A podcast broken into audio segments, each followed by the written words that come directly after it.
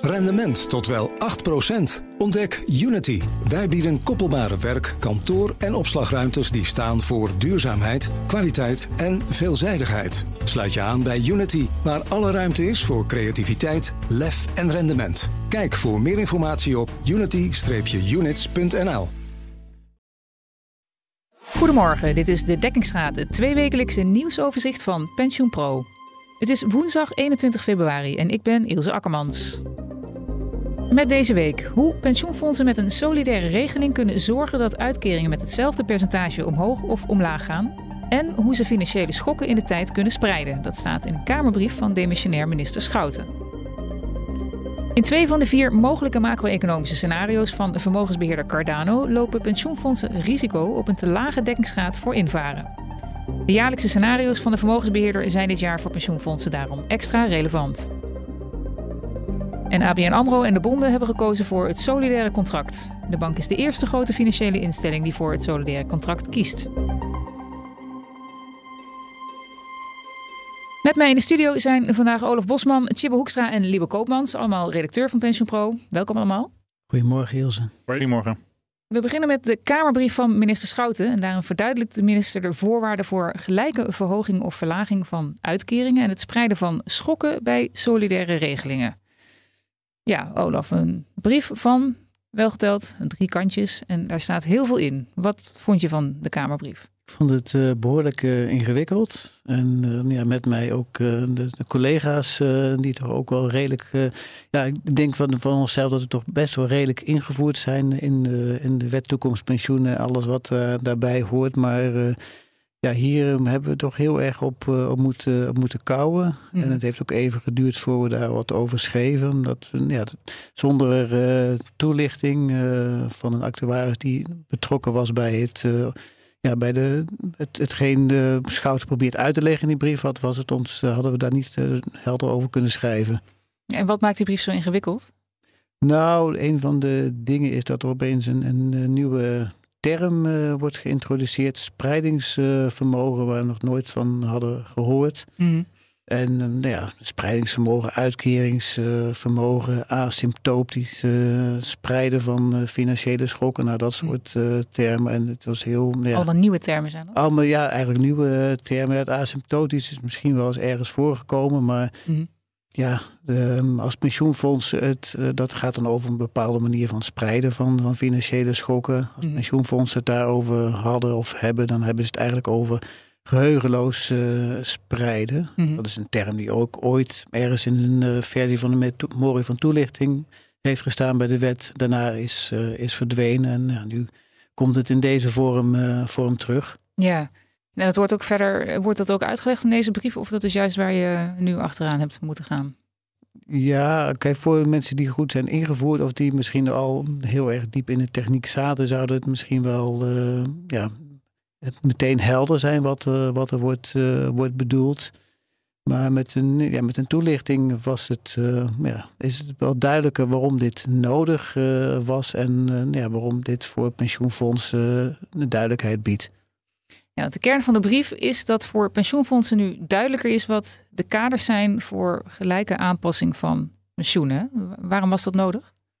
Nou, de, de Tweede Kamer die heeft eigenlijk een beetje tegen de, de wil van eh, minister Schouten eh, eind 2022 een amendement aangenomen. Mhm. Dat het mogelijk maakt om ook bij de solidaire premieregeling om dan alle uitkeringen gelijk aan te passen. Mhm. Eigenlijk is het zo bij een solidaire premieregeling, dan heb je ook in de uitkeringsfase nog eigenlijk een individueel eh, pensioenvermogen. Nou, als je dan 80 bent, dan moet je eigenlijk een iets andere aanpassing krijgen van je vermogen dan een 70-jarige. Hm. Nou, dat is heel moeilijk eh, uit eh, te leggen van de, van de fondsen. En toen nou, heeft Hilde Palland, die toen Kamerlid was voor de CDA, een, amendement ingediend. En minister Schout heeft, heeft gezegd, ja, dat, dat kan eigenlijk niet. Want als je dat doet, dan doe je een klein beetje ja, herverdeling van, uh, vermogen. En dat, uh, nou, dat druist in tegen de afspraken van het, uh, van het pensioenakkoord. Mhm. Uiteindelijk heeft de Kamer dat wel, wel gedaan. En nou, dat was versie 3 van het, van het abonnement. Dat was een stuk uitgebreider dan versie 1, 1 en 2.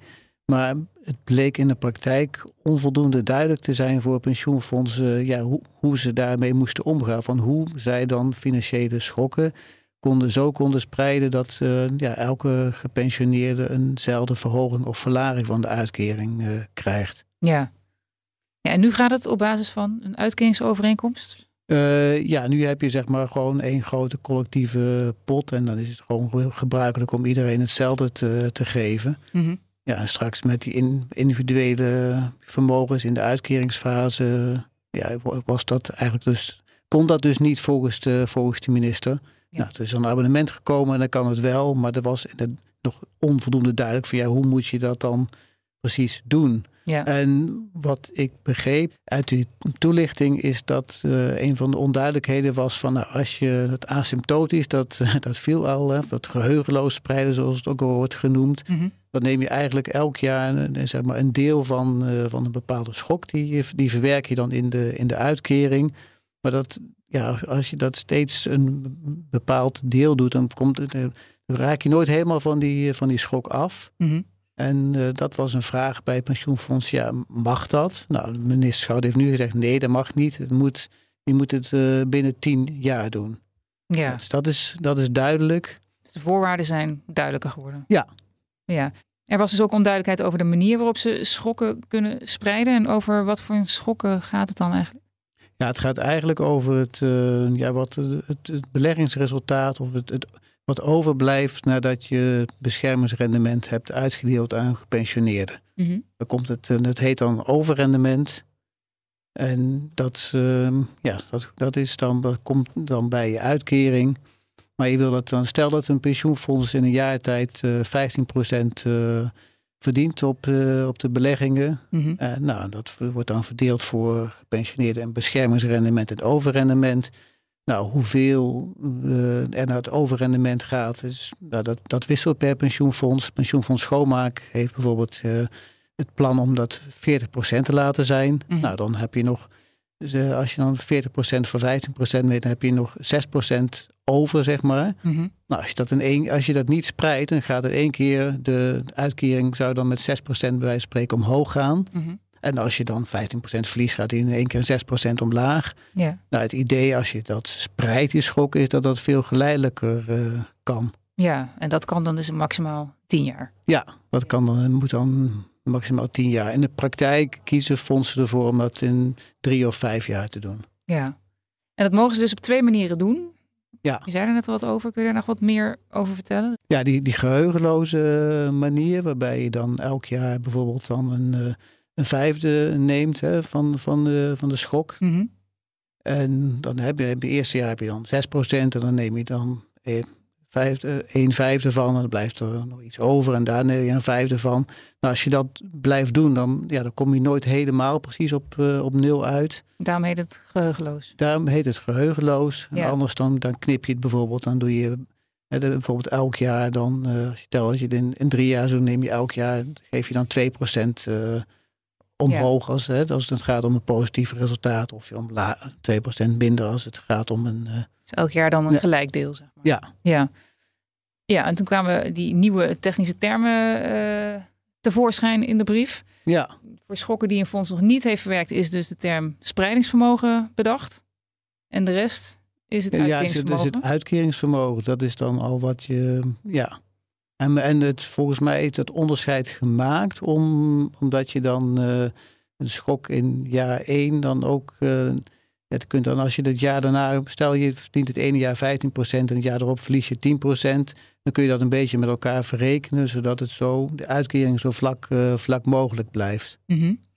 Dus dat is, het, dat is het idee. En wie heeft dan dat spreidingsvermogen? Heeft dat een fonds dat of heeft een deelnemer dat? Ja, het is, het is individueel toegedeeld. Tenminste, ja, het is ieder, ieder, ieder, ja, het is, het is eigenlijk, ja, het is meer vooral iets administratiefs. Mm -hmm.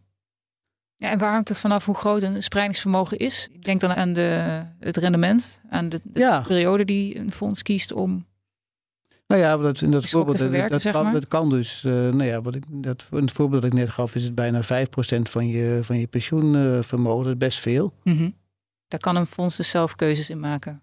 Fonds heeft daar zelf, en er zijn de pensioenfederatie die reageerde op die brief van de Schout. Die zei dat ze daar blij mee waren dat pensioenfondsen kunnen kiezen van hoe lang ze het uh, spreiden, hoe ze de, de verdeling tussen uh, beschermingsrendement en overrendement, daar hebben ze nog, uh, nog ruimte in. Nou, de manier van, van spreiden. Maar wat ik begreep is dat eigenlijk elk het fonds, zover bekend willen fondsen allemaal het geheugenloos uh, spreiden. Omdat je dan zo vlak mogelijk uitkering krijgt. Ja. Ja, en de voorwaarden voor gelijke aanpassing met spreiden komen in een besluit uitvoering pensioenwet en wet verplichte beroepspensioenregeling stond ook in de brieven. Ja. Um, dat besluit moet halverwege dit jaar ingaan. Is het dan al helemaal klaar? Nou, als het moet ingaan, dit kan pas ingaan als het helemaal klaar is. Alleen uh, ja, de, de uitwerking van de voorwaarden, zoals Schouten in de brief heeft gezet, dat is. Ik sprak actuaris uh, Stef Vermeulen, die bij PGGM werkte over. En die zei, nou dat duurt nog wel enkele maanden. Mm -hmm. En volgens hem is dat ook de reden dat die brief zo, uh, ja, zo technisch is. En dan ja, ook eigenlijk slechte volgen voor mensen die niet heel diep in de techniek zitten. Mm -hmm. Omdat het voor pensioenfondsen wel klip en klaar moet zijn hoe zij dat dan uh, kunnen ja, doen, het spreiden van die schokken. Ja, want er is dus nog wel wat werk uh, te dus, doen. Ja, het is voor de, bij de uitwerking nog wel wat werk aan de winkel. Een van de vragen die nog open staat, wat ook in een brief aan bod komt, is van ja, hè, om, ja wanneer mag zo'n spreidingsvermogen negatief zijn? Mm -hmm. Dat, staat er, dat, dat moet nog verder worden uitgewerkt. En ja. ook hoe pensioenfondsen dan uh, hierover moeten gaan, uh, gaan communiceren. Ja. Nou, dat is nog best een uitdaging, denk ik. En wanneer moet het uiterlijk duidelijk zijn? Nou ja, pensioenfondsen die uh, willen overstappen naar een nieuwe regeling op in 2025 moeten dan wel weten hoe, wat, ze, wat ze moeten doen. Maar ze hebben natuurlijk ook voorbereidingstijd nodig. Ja, en dat was voor ja, bij, bij Pensioen Pro in gesprek. Dat had, uh, André Snelle uh, was de gast bij, uh, bij Samir van Alver, onze collega. Onze andere podcast. Andere podcast. En ja, die zei van ja, omdat wij, voor ons was het niet precies duidelijk hoe we, hoe we het gaan doen met het spreiden van die financiële schokken. Mm -hmm. En om die reden gaan wij een jaar later over naar, naar een andere regeling. Ja, dat geeft dus handelingsperspectief voor de sector nu. Ja, en, ja, en ik zou nog wat net kunnen zeggen dat uh, er is nu uh, één pensioenfonds, pensioenfonds horeca en catering. Dat heeft een implementatieplan uh, geschreven en daar komt ook deze, er komen die, komt onder andere de term spreidingsvermogen al in voor. Dus die hadden eigenlijk al een soort voorkennis. Ik denk dat die nauw betrokken waren bij het opstellen van die voorwaarden. Ja. Want zij hebben dat transitieplan al ja, afgerond voordat minister Schouten de Kamer daarover informeerde. Dankjewel, Olaf. Dan gaan we nu naar ons tweede onderwerp: de jaarlijkse macro-economische scenario's van vermogensbeheerder Cardano. In twee van de vier mogelijke scenario's lopen pensioenfondsen risico op een te lage dekkingsgraad voor invaren. Dit jaar zijn de scenario's voor pensioenfondsen daarom extra relevant. Wat zijn die vier mogelijke macro-economische scenario's, Chibbe? Nou, de eerste is: um, ik zal van, uh, van gunstig naar minder gunstig uh, zal ik ze aflopen. De eerste heet uh, voorspoed. Ja, dat geeft al aan dat uh, gaat dus uh, allemaal heel goed mm -hmm. met de economie. Die groei blijft hoog uh, terwijl de inflatie onder controle blijft. Dat komt doordat AI een impuls geeft aan de productiviteit. En omdat de geopolitieke spanningen in de wereld op een wonderbaarlijke wijze weer gaan afnemen. Terwijl mm -hmm. die juist de afgelopen jaren alleen maar zijn toegenomen door, ja, tussen het Westen en Rusland en China. En ja, je weet het allemaal wel. Mm. Ja, zo komt er volgens dit scenario bijvoorbeeld een vredesakkoord tussen Rusland en Oekraïne. En nemen de spanningen tussen de VS en China weer af. -hmm. Dit scenario zit best voor de dekkingsgraden, maar ja, als je het aan mij vraagt, ook het minst realistisch. Mm. Mm, een tweede scenario wat ook nog goed gaat uitpakken is uh, het inflatiescenario, zo wordt het genoemd. Ja, dat, uh, de naam zegt het al, uh, in dit scenario blijft inflatie hoog, maar is de groei ook hoog, doordat overheden de economie blijven stimuleren. Mm. De dekkingsgraden stijgen in dit scenario ook, doordat de rente wel, wel hoog blijft en aandelenbeurs het ook goed blijven doen. Ja, maar er zijn dus ook twee scenario's die zorgen voor lagere dekkingsgraden. Welke zijn dat? Ja, nou, de eerste is uh, stagflatie. Ja, dat is eigenlijk een beetje het, uh, het scenario waar we nu in zitten. Mm -hmm. uh, de inflatie blijft hier hoog door ja, toenemend productionisme. En ook ja, dus de Amerika, Europa blijven handelsbarrières optrekken tegen China bijvoorbeeld en tegen elkaar ook. Ja. en de groei blijft mede daardoor laag. Ja, er komt ja, die onvrede en polarisering in de samenleving, die we natuurlijk de laatste tijd hebben zien toenemen. Onder meer die boerenprotesten zijn daar een symptoom van. Mhm. ja, die, die worden steeds ernstiger, waardoor het nog lastiger wordt om politieke compromissen te sluiten. Daardoor komt ook de klad in de energietransitie. Hervormingen worden op de lange baan geschoven, waardoor het, uh, het groeipotentieel van de economie uh, afneemt. Mm Ja, eigenlijk is, zoals ik al zei, is dit dus een continuering van de huidige situatie. Mm En daarmee lijkt het volgens mij voor mij ook het meest waarschijnlijke scenario. Het is niet heel, uh, heel optimistisch, maar ja, zo is het nu eenmaal. Zegt uh, Cardano dat zelf ook? nee, die zeggen dat zelf niet. Die zeggen dat die willen geen kans ehm, plakken op, op het scenario. Die zeggen mhm. alle vier de scenario's zijn realistisch. Ja. Ja. Voor één scenario over. Mm heet depressie. Mhm. Ja, dat is eigenlijk een herhaling van de financiële crisis van 2008. Ja, uiteraard is dat ook slecht voor de dekkingsgraden. Mhm. En hoeveel kunnen de dekkingsgraden dan dalen in die laatste twee scenario's?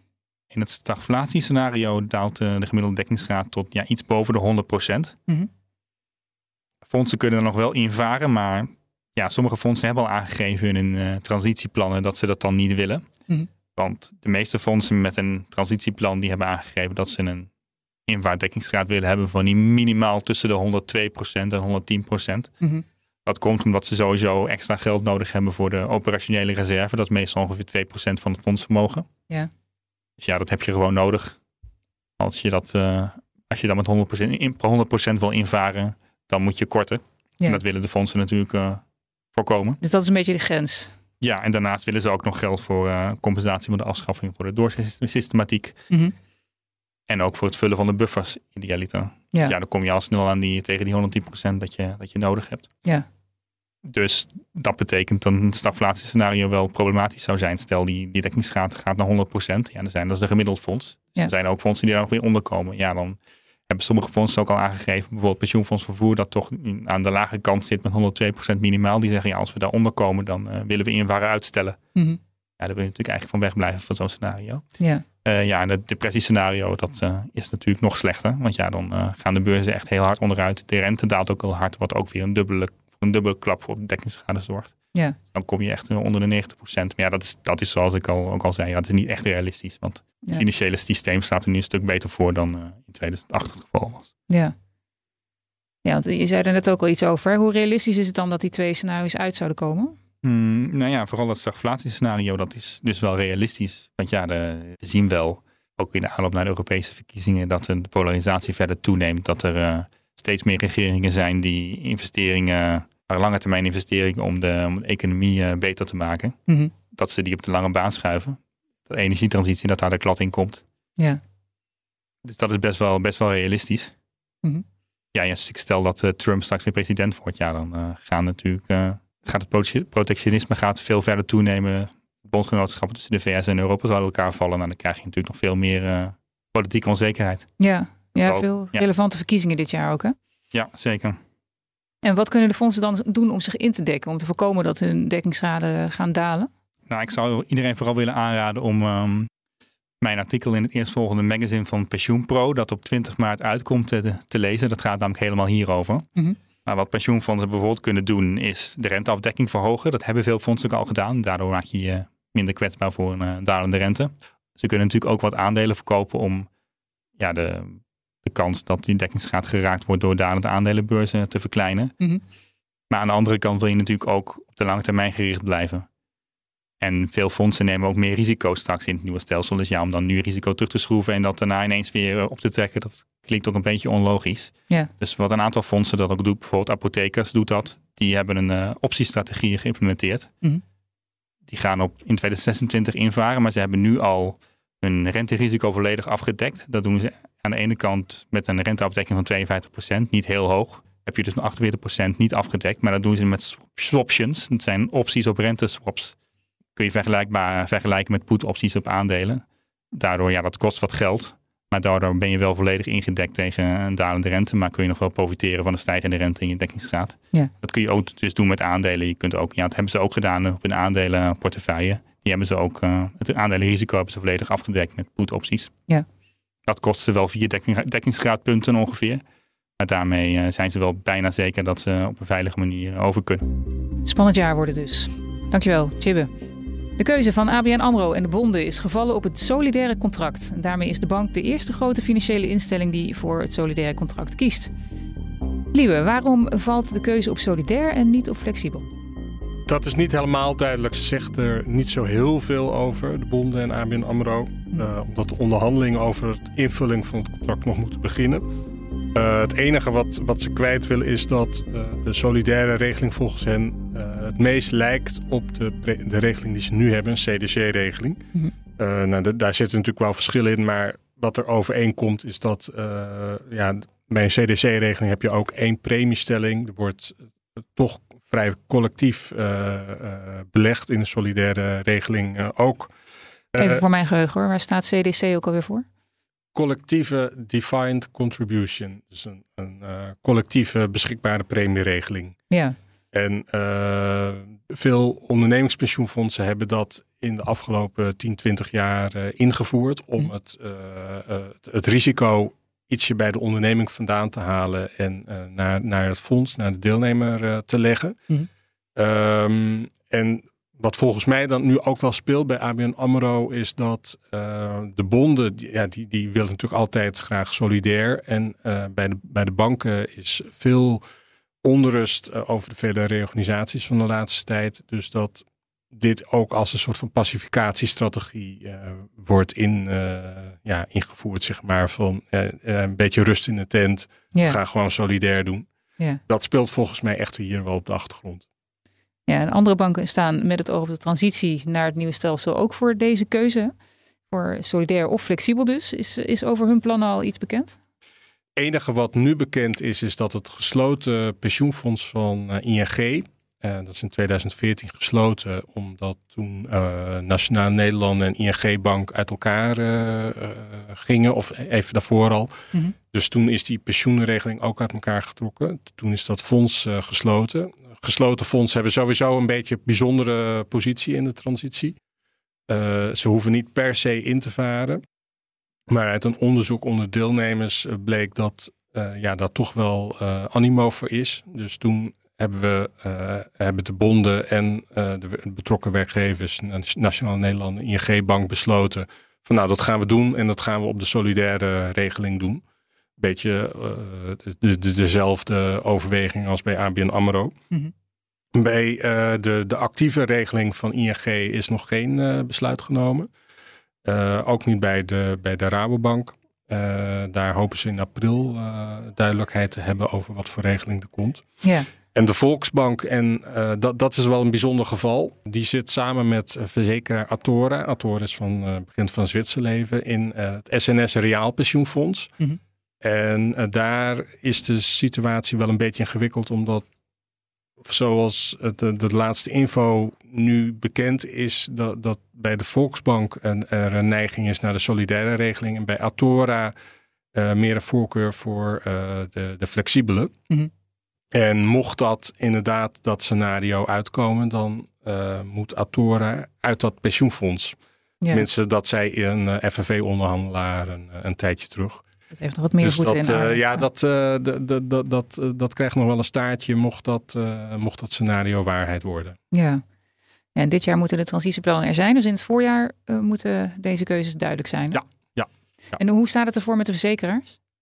Nationale Nederlanden, die is al uh, begonnen. Die heeft de uh, actieve regeling ondergebracht bij een uh, premiepensioeninstelling, BeFrank. Mm -hmm.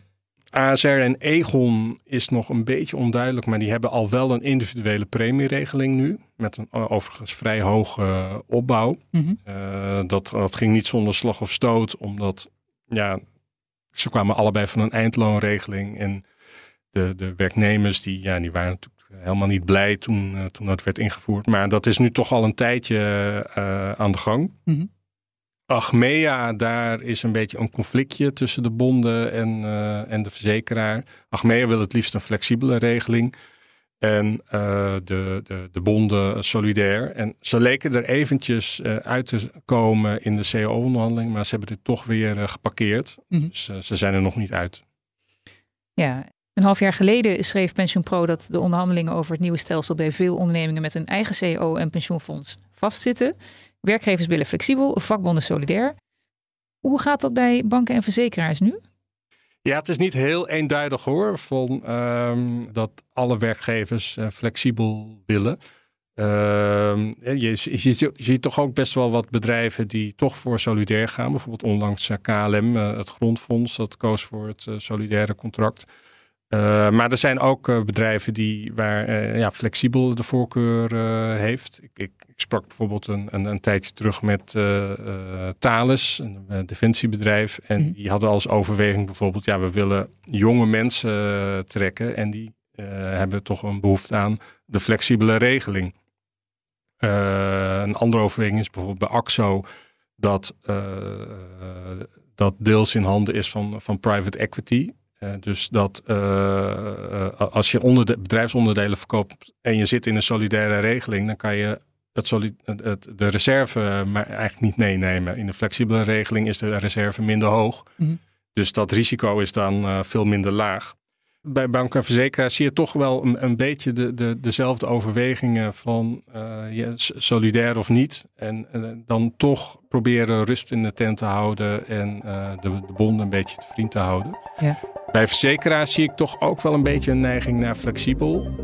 om de, de, de, eenvoudige reden van ja, het is toch een beetje practice what you preach. Mhm. Verzekeraars proberen veel klanten richting een, een, premieregeling, een PPI te sturen. Mm en uh, als ze dan zelf heel erg zouden vasthouden aan een solidaire regeling, ja, dat is een beetje in tegenspraak met elkaar. Dus ik denk dat dat ook wel een rol speelt. Ja. Dankjewel, Liewe. Dit was de dekkingsraad van PensioenPro met de laatste ontwikkelingen in de Nederlandse pensioen- en beleggingssector. Op pensioenpro.nl lees je meer.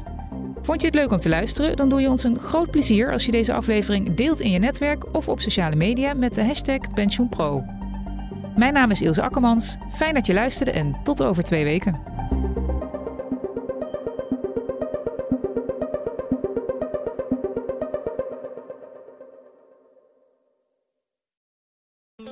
Tot wel 8%. Ontdek Unity. Wij bieden koppelbare werk, kantoor en opslagruimtes die staan voor duurzaamheid, kwaliteit en veelzijdigheid. Sluit je aan bij Unity, waar alle ruimte is voor creativiteit, lef en rendement. Kijk voor meer informatie op unity-units.nl.